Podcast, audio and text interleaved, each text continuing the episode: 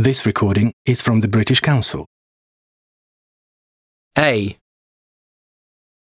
We saw the ad in the summer, in about July, I think. But we weren't really serious about moving then, so we didn't even go and see it. It wasn't until November when they re advertised it that we got in touch with the agency and had a look. They'd put the price down since the summer, too, I suppose because it had been empty so long, so that made it more affordable for us, which helped us make up our minds. It was perfect. A bigger garden for the kids and enough space for an office. In winter, it was lovely, very cozy, in fact, which is important to me as I really feel the cold, whereas my husband will open a window when it's minus temperatures outside. Anyway, in July, when summer really started and we had that heat wave, we understood why no one had wanted to rent it over summer. It was boiling. All those lovely big windows that made the flat so light and open were like a greenhouse as soon as it got warmer. From about 8 in the morning until 7 in the evening, it was like living in a sauna. We couldn't stand being at home, and weekends were especially bad. No air conditioning, of course. If only we'd gone to see it when it was first advertised in July, we'd never have moved in. B. I always rent apartments when I go on holiday rather than staying in hotels. Hotels are so impersonal, aren't they? This way, you get to feel like you really live in the place you're visiting. It's the first time I've done it the other way around, though, and rented out my place.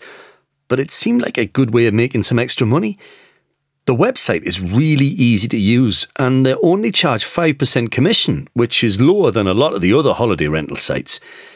It's all about the photos and the reviews.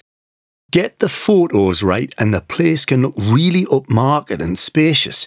But you don't want to make it look too much better than it really is, or you end up with a bad review. It's better to undersell and over deliver, so guests are pleasantly surprised and leave an extra positive review. So far, I'm averaging three stars because of one bad review that brought my average down from four and a half stars, but hopefully I'll get it back up during the busy season. C. Buying a house seems so far out of my reach, it's almost impossible, as it is for loads of people my age these days.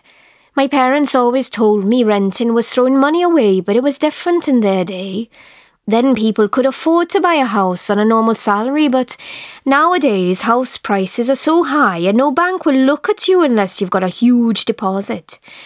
The problem with my dream of buying is that it's never going to come true, not unless my parents help me out. But I got two sisters and we're all in the same position. At least they've both got good jobs. Not good enough to buy a house, but at least they can afford to rent places of their own in nice areas. I just don't earn enough to rent around here. Even if I get promoted to manager, it'll be tough to find somewhere unless I share and call me fussy, but there aren't that many people I want to share a bathroom and kitchen with. Some days I think I'll be stuck living with my parents forever. Even renting is like a dream to me. D.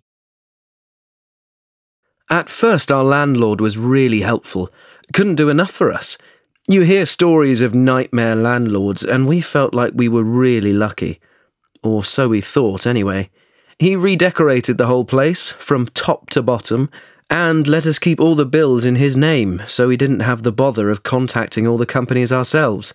He even offered to come round and do the gardening, as he knew we both worked long hours and might not have time. That's where the problems started, now I look back. Then he'd pop round just to check everything's okay for you. Once a month, then twice a month. Soon he was coming every week with some excuse or other. In the beginning, we'd invite him in for tea, but it was only encouraging him. So when we realised, we'd try to have the conversation on the doorstep instead.